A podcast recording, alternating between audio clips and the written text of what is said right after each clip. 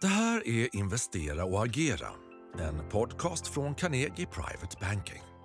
Hej och välkommen! Det är torsdag den 9 mars och du lyssnar på mig, Carl Hedberg, aktiechef här på Carnegie Private Banking. Marknadens blickar riktas just nu mot inflations och ränteutvecklingen.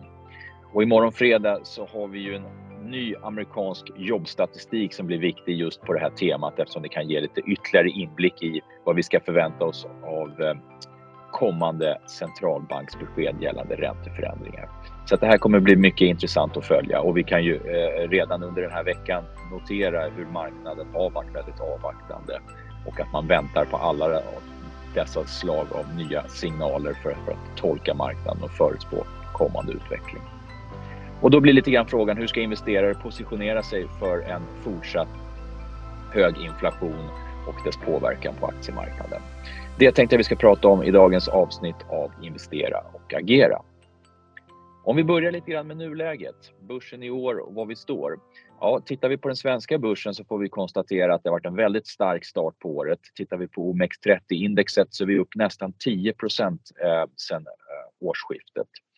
Det är en lite blygsammare utveckling i USA om vi tittar på S&P indexet men det är ändå en positiv utveckling upp ungefär 4 procentenheter.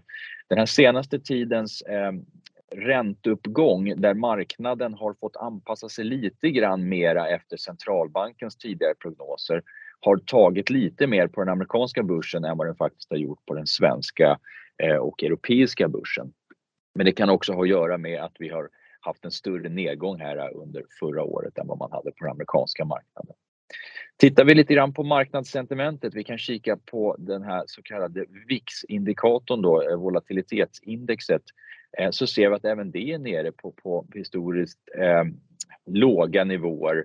Eh, och det är liksom ett tecken på att investeraren är inte speciellt eh, oroliga för, för eh, den, den närmsta tidens utveckling i alla fall. Eh, utan man, man, man, eh, man har på något sätt anpassat sig relativt väl efter den här eh, stora omställningen av framförallt ränteläget. Men det kan ju också ha att göra mycket med att det här har varit en, en väldigt förutspådd och väntad eh, lågkonjunktur och avmattning i ekonomin. Så att den kommer inte riktigt lika överraskande nu under det här året eh, eller avslutningen av förra året som, som andra tidigare eh, större korrigeringar på börsen har, har föranlett. Ja, eh, tittar vi då lite grann handeln på aktiemarknaden. Ja, som sagt, vi kan konstatera att det är väldigt avvaktande. Eh, det finns inte någon riktigt stark kortsiktig trend att ta rygg på. Den är ju dock fortfarande positiv, men inte riktigt i någon, i någon, någon riktigt stark uppåtriktad eh, trend. Eh, och vi har som sagt avvikelse lite grann mellan den amerikanska utvecklingen och den europeiska utvecklingen. Så att lite, lite mer svårtolkat eh, sentiment och, och, inte kanske riktigt lika tydligt vilket, vilket eh, bett man ska ta på marknaden här just nu. Eh, och tittar vi då tillbaks lite grann på den nyligen avslutade rapportsäsongen så, så gav väl egentligen inte den så mycket nytt. Eh, den bekräftade väl lite grann det vi, det vi har trott sedan tidigare att det är fortfarande ett ganska okej okay, eh, läge i, i ekonomin man får plocka bort givetvis det konsumentinriktade för det, det, har varit betydligt svagare. Men det visste å andra sidan de flesta och det kom väl inte som någon större överraskning. Så att de bolagen har ju haft betydligt tuffare. Men tittar man på de lite större industribolagen så är det fortfarande en helt okej okay situation när det gäller efterfrågan. Visserligen lite mera press på vinsterna och det här märks väl då att det är svårare att ta ut de här kostnadsökningarna som kommer på alla insatsvaror. Svårare att föra vidare dem på, på slutkund. Det var betydligt lättare under förra året. Eh, vilket gjorde då att man, man kommer från en, en, en, period med väldigt höga vinstmarginaler och det där börjar pressas lite grann mer nu. Eh, men det är inte så, så att det är någon, någon allvarlig eh, situation än så länge för företagens vinster utan överlag rätt så, rätt så hyggliga vinster. Eh, men stora frågetecknet är ju som sagt vad har vi att vänta om vi blickar ett antal kvartal framåt? Eh, och det här har ju varit svårt för bolagen att ge en prognos på också så att det kan vi väl också säga liksom är en skillnad nu mot hur det har varit i, i kvartal om vi backar tillbaks ett, ett år eller två att det är inte riktigt lika optimistiska och tydliga prognoser för de mer långsiktiga guidningarna utan man är mer försiktig på att, på att ge någonting där. Däremot så verkar det fortfarande vara en väldigt eh, komfortabel situation om man blickar bara för det närmsta, närmsta kvartalet framåt. Eh, och det här föranleder ju då att fokus blir då istället på, på makro och ränteutveckling. Det är det som kommer styra marknaden med stor sannolikhet här i det kortare perspektivet. Eh, eftersom ehm, um, företagsutsikterna eh, uh, ser ändå helt okej okay ut om vi tittar, tittar för, för det, det innevarande kvartalet. Sen kommer det här givetvis slå rätt så olika för olika sektorer eftersom man är olika påverkad då. Dels av konjunkturens svängningar men även då också olika påverkan från, från ränteutvecklingen. Det finns ju sektorer som gynnas mer av en stigande ränta medan det finns sektorer som har en betydligt mer negativ utveckling. Och sen då givetvis stora skillnader mellan olika bolag då mer kopplat till hur pass hög skuldsättning man har.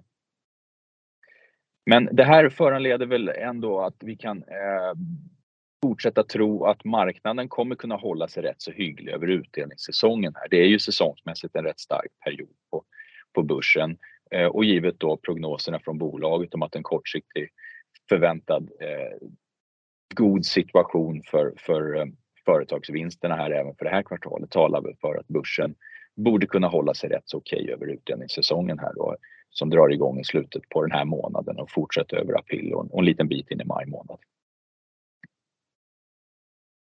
Och vad säger då investerarna? Eh, vi pratar ju dagligen med, med privatinvesterare och eh, eh, även ett visst antal institutionella investerare av olika karaktär. Eh, men man kan ju märka att det är en tydlig skillnad mellan privatinvesterare och de institutionella investerarna. Eh, privatinvesterarna märker ju mer tydligt av den ekonomiska situationen för sin egen del och blir för därför mer, mer försiktig. Eh, man märker av att både räntor har, har ökat ganska kraftigt. Man märker av att priser, framförallt då livsmedel och liknande, har ökat väldigt kraftigt.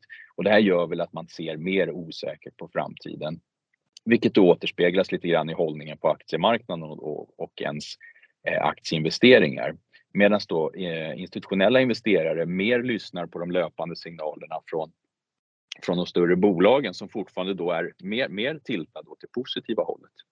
Eh, och där har man ju även en, en, komponent i att man kanske inte vill avvika för mycket heller mot marknadens kortsiktiga utveckling. En privatinvesterare kan ju lyfta blicken lite grann och vara mera inriktad på att undvika en större nedgång och så vidare. Medan då en institutionell investerare gärna vill försöka ha en utveckling som, som givetvis är bättre än marknaden men framförallt inte får avvika för mycket.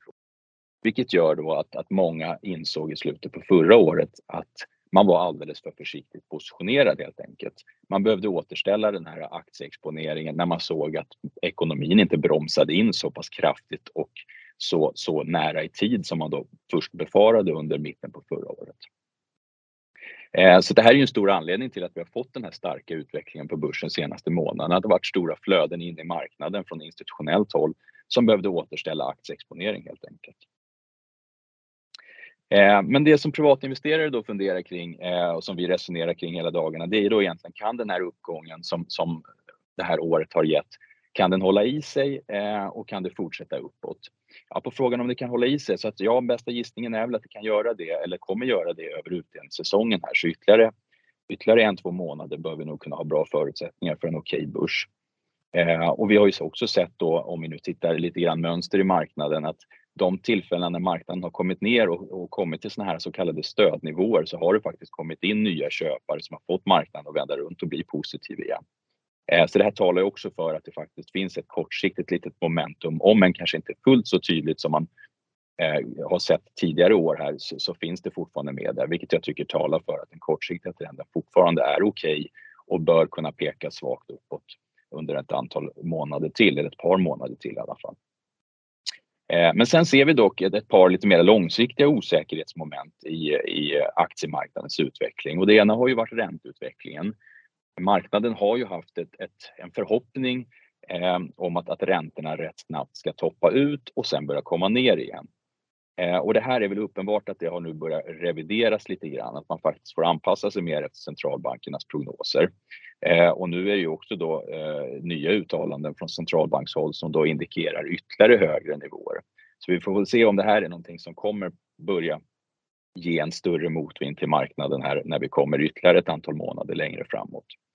Och sen har vi då den stora osäkerheten som vi ser för framförallt då kanske slutet på det här året och det är egentligen då vinstutvecklingen. Kommer det börja märkas tydligare att vinsterna pressas mer, eh, både då från högre kostnader men också att, att efterfrågan faktiskt mer tydligt börjar vika. Det, det, det, har vi ändå inte, det har vi inte sett än riktigt så tydligt att efterfrågan viker. Men frågan är om inte det kommer oundvikligt behöva ske lite längre fram här helt enkelt. Eh, och det är väl egentligen det som vi tror då är den stora motvinden för aktiemarknaden i kombination med de här betydligt högre räntenivåerna. Och vad ska man då köpa och, hur ska man agera på den här marknaden? Ja, man får väl skilja lite grann på det här då på kort och lång sikt. Eh, och jag tror att vi kommer se rätt så stora skillnader med olika, olika sektorer. Eh, jag tror ju på kort sikt, och är man lite mer kortsiktig som sin, eh, i sin investeringsfilosofi, ja men då kan man absolut fortsätta betta på en okej okay marknad här eh, under de närmsta, närmsta månaderna. Eh, och jag tror man kan positionera sig rätt väl mot bolag som då har en kombination av både en hygglig aktiekurspotential men även i kombination med en god utdelning. De aktierna tror jag kommer kunna vara de starkaste aktierna här nu under de närmsta en, två månaderna när vi går in mot utdelningssäsongen. Eh, men mer långsiktiga investerare då, om man inte känner att man vill hoppa in och öka aktieexponering eller ta de här mer aktiva betten här nu med den korta horisonten. Ja, men då tycker jag då ska man ta den här starka starten på året som ett tillfälle att faktiskt positionera om sin portfölj då. Antingen i form av att öka eh, andra typer av investeringar, till exempel ränteinvesteringar eh, och gen, genom att dra ner aktieexponeringen då och säkra hem lite grann av, av aktieinvesteringarna inför då en eventuellt sämre andra halva av det här året. Vill man inte minska aktievikten totalt sett, ja, men då får man ju ompositionera portföljen då. Dra ner egentligen bolagsinriktningen mot de mera kanske riskfyllda eh, bolagen och sektorerna och vara mer positionerad mot, mot det som sannolikt kommer vara mer stabilt. Eh, och tittar vi då lite mer så här sektormässigt, ja men då tror jag då är det ju bank som är en sån given sektor som gynnas av de här högre räntorna. Passar även bra in i den här lite förändrade bilden där man inte tror på den här riktigt djupa lågkonjunkturen, recessionen, utan mer någon form av mjuklandning. Det passar ju även bra inför bankerna då, för då behöver vi nog inte se den här stora kreditförlustökningen som skulle potentiellt kunna vara riskerna för bankerna trots då gynnas av, av högre räntor. Så bank är en sektor som vi fortsätter gilla på det sättet och med bra stöd av höga utdelningar. Eh, och andra sidan av det, ja men det blir ju mer räntekänsliga sektorer. Fastighetssektorn kommer vara väldigt känslig för räntans utveckling. Så tror man då på fortsatt stigande räntor så är nog eh, fastighetssektorn fortfarande lite för tidig som sektor och helhet att investera i. Och sen då givetvis bolag som av bolagsspecifika skäl har väldigt höga skuldsättningar. Det kommer också vara bolag som, som kommer kunna få det tuffare här under kommande kvartal, vilket man då skulle kunna ta den här starka starten på året som ett tillfälle att faktiskt då minska ner lite grann helt enkelt. Så ska vi sammanfatta synen som eh, vi tycker investerare ska agera efter så är det som sagt se över sektorerna man har exponering mot, minska det som är mer känsligt för fortsatta ränteuppgångar och öka det som har en, en gynnsam situation för eh, fortsatt stigande räntor. Det vill säga, bank ser fortsatt intressant ut. Eh, räntekänsliga sektorer som fastighetssektorn fortsatt lite för tidigt för sektorn som helhet. Och sen också då med den här konjunkturosäkerheten och riskerna för framtida vinstförsämringar så tycker vi då att verkstadsindustrin som helhet ser lite väl högt värderad ut just nu och det tycker jag också kan med fördel vara en sektor som man minskar sin exponering mot. Tack så mycket för att ni har lyssnat. Är du intresserad av topprankad aktieanalys och unika investeringsmöjligheter? Gå då in på carnegie.se privatebanking och lär dig mer om vad du får som private banking-kund hos oss.